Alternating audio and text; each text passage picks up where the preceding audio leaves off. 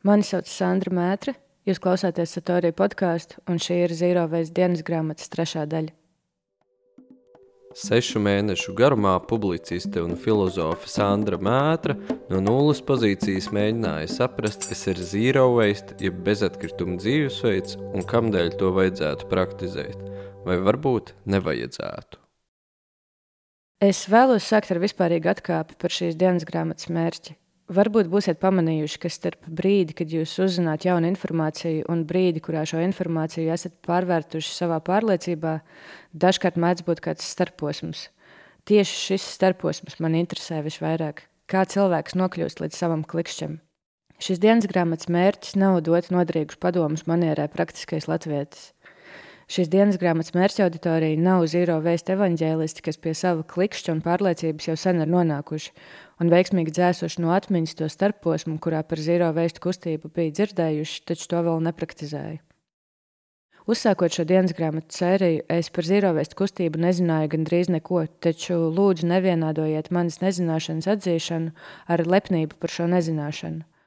Šo pāris mēnešu laikā esmu paspējusi saskarties ar gana daudzām pretrunām, tāpēc šomēnes esmu nolēmusi uzmanību vērst uz zīro vēstu ideoloģijas pamatprincipiem.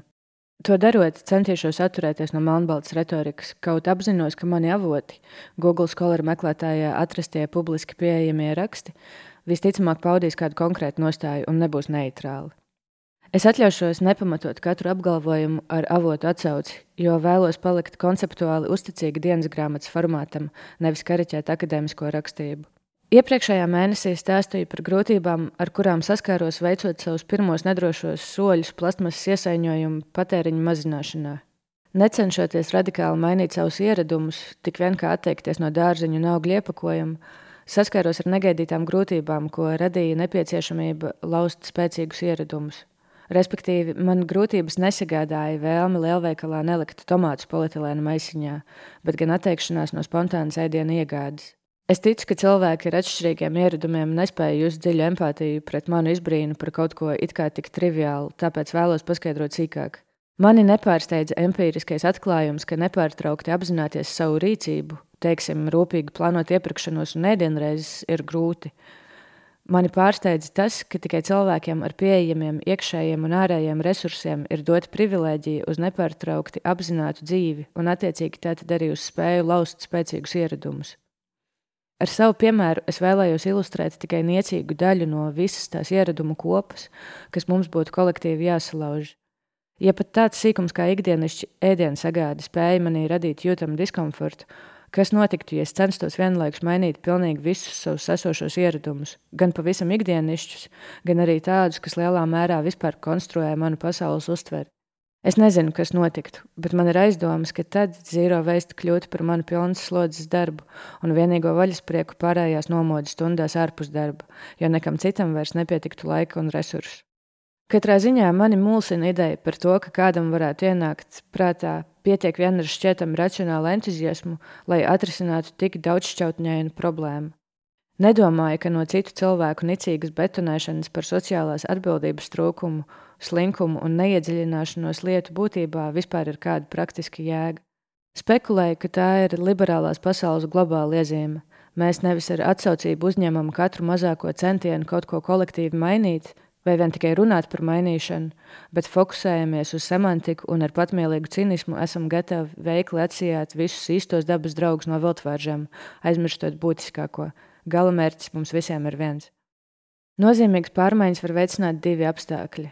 Pirmais ir iekšēja emocionāla motivācija. Jau minētais klikšķis, pēc kura tu saproti, kāpēc kaut ko dari un vairs citādi nevari. Mēģināt nodot otram šo motivāciju ir tikpat jēgpilni, cik ieteikt dzērājiem nedzert. Katram ir cits domas process, kas novedis pie savas pārliecības.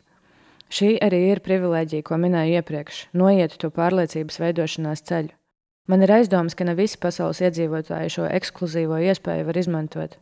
Parasti tik pamatīga kolektīvas attieksmes restruktūrizācija notiek vismaz vienas paudžu nomaiņas garumā, taču mums, ja ticam zinātniekiem, ir atvēlēts krietni niecīgāks laiks brīdis, lai atrisinātu visu šo vidas vaiprātu. Otra lieta, kas veicinātu fundamentālas pārmaiņas, ir tādu ārēju apstākļu radīšana, kuros arī tie, kam nav paveicies ar spēcīgu personisku motivāciju un padziļinātu izpratni par potenciālu postežu, spētu vieglāk adaptēties jauniem ieradumiem. Manī vēl nav radusies spēcīga personiska motivācija, taču es apzinos savu privilēģiju. Man vismaz pietiek resursu par to visu, kaut vai tikai domāt savus vientiešu domas. Starp zīro vēstu aktīvistiem nepastāv vienots narratīvs. Ir tādi, kas uzskata, ka absolūta atteikšanās no atkritumiem ir ne tikai reāli iespējama, bet arī vēlama.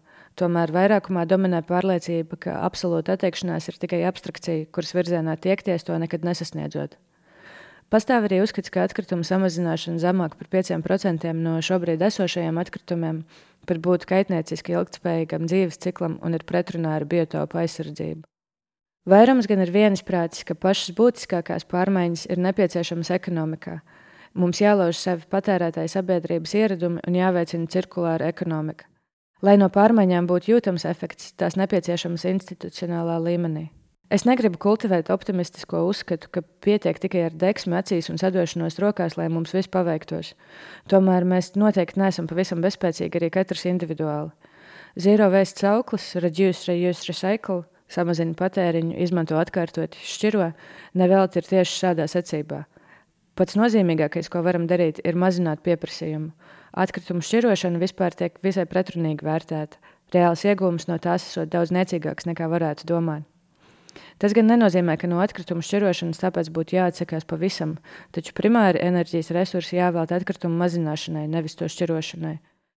Resursu sadale ir nākamais sarežģītais rebus. Ko iesākt, ja es vēlos, lai no manas rīcības ir kāda reāla jēga, ne tikai sirdsmērs? Teiksim, ja man ir brīvi finansiālie resursi, vai jēgpilnāk nebūtu to slikt lietā dažādās zero waste iniciatīvās, nevis strostēt sevi par katru reizi, kad ļāvos slinkumam vai nogrumam un iepirkos piemājas veikalā, nevis tirgu? Vai lielāka jēga ir no tā, ka aktīvi lobēju zero waste ideoloģiju, vai no tā, ka aktīvi atsakos no iesaņojumiem savā pārtikas sagādē, pieņemot, ka nevienmēr man ir resursi, lai īstenot abas šīs lietas? Ja es pietiekami uzstājīgi atteikšos bāros no salmiņa savā dzērienā, vai ar to pietiek, vai arī tomēr jēga no tā būs tikai tad, ja aktīvi mudināšu visus savus draugus darīt tāpat. Man gribētos vēl daudz ko teikt par atkritumu mazināšanu un estētiku, par uh, atkritumu mazināšanu un to, kurā brīdī būs gana, ja vispār. Tomēr saprotu, ka šobrīd šīs potenciālās problēmas ir pietiekami tālas. Par to, vai mums vajag tos 5% atkritumu, domāsim tad, kad līdz tiem tiksim. Šobrīd tās visas ir nianses, kas var pagaidīt. Ieraksts sākumā minēja, ka mani visvairāk interesē starposms. Tas brīdis, pirms cilvēks sevī kādu pārliecību internalizē. Mani māca aizdomas, ka šī internalizācija reti, kad ir racionālas dabas, pat ja mums pašiem liekas, ka ir. Kā visticamāk var noprast, man ir zinām iebildumi pret karavīgu attieksmi ideoloģiju propagandēšanā. Es esmu filozofiskā ziņā konservatīva. Tāds drebelīgs un bailīgs tirliņš, kas nekad viegli nepiedursies kaut kam, tāpēc vien, ka tā vajadzētu. Un es nevienmēr spēju sev visu veikli racionalizēt. Mana komforta zona ir teorija, kuras apsveru un ieviešu praksē ārkārtīgi lēni un piesardzīgi. Un man vislabāk sanāk rakstīt tā saucamos tukšos rakstus par neko, nevis dot konstruktīvu iedvesmu. Tomēr to apzinoties, vēlos pateikt visiem drebelīgajiem tirliņiem, ka ļoti lepojos par katru komforta niansi, ko esat sev lieguši cilvēces cerīgākas nākotnes vārdā. Ir svarīga katra tā lieta, ko neesat nopirkuši, vai varbūt esat nopirkuši un atkārtot izmantojuši, vai varbūt neesat izmantojuši, bet devuši pārstrādēji. Pat ja mūžības kontekstā tam vispār nav nekādas nozīmes, un pat ja zīro veistu kontekstā tā ir bijusi pavisam nenozīmīga pilīte tīrākas jūras cerībā. Tieši jūs esat kritiskā masa, kas nepieciešama pamatīgai ieradumu restruktūrizācijai. Starp citu, es spītīgi pieturos pie ticības, ka ir ok domāt un runāt un spekulēt par lietām, kuras pats nepraktizē vai vēl nepraktizē vai nepraktizē pietiekami. Žanam Žakam Ruso bija daudz kas sakāms par morālu dzīvi, lai gan pats savējo viņš vadīja, kā saka, visai draiski. Tas, ka šī filozofa dzīvesveids neatbilda pašu apgalvojumiem, nekādi gan nemazina to svaru. Apgalvojums netiek atspēkots ar to vien, ka tiek norādīts uz nekonsekvenci darbībā. To vēlos uzsvērt nevis tam dēļ, ka Ruso būtu mans domātāja etalons, bet gan cerībā, ka atgādinājums par šīs argumentācijas kļūdas eksistenci ļaus lasītājiem kvalitatīvāk iebilst manām pārdomām. Iebildumu vēršot uz pārdomu saturu, nevis uz ceļu vai uz personu, kas šo ceļu šķērsojusi, lai pie tām tiktu.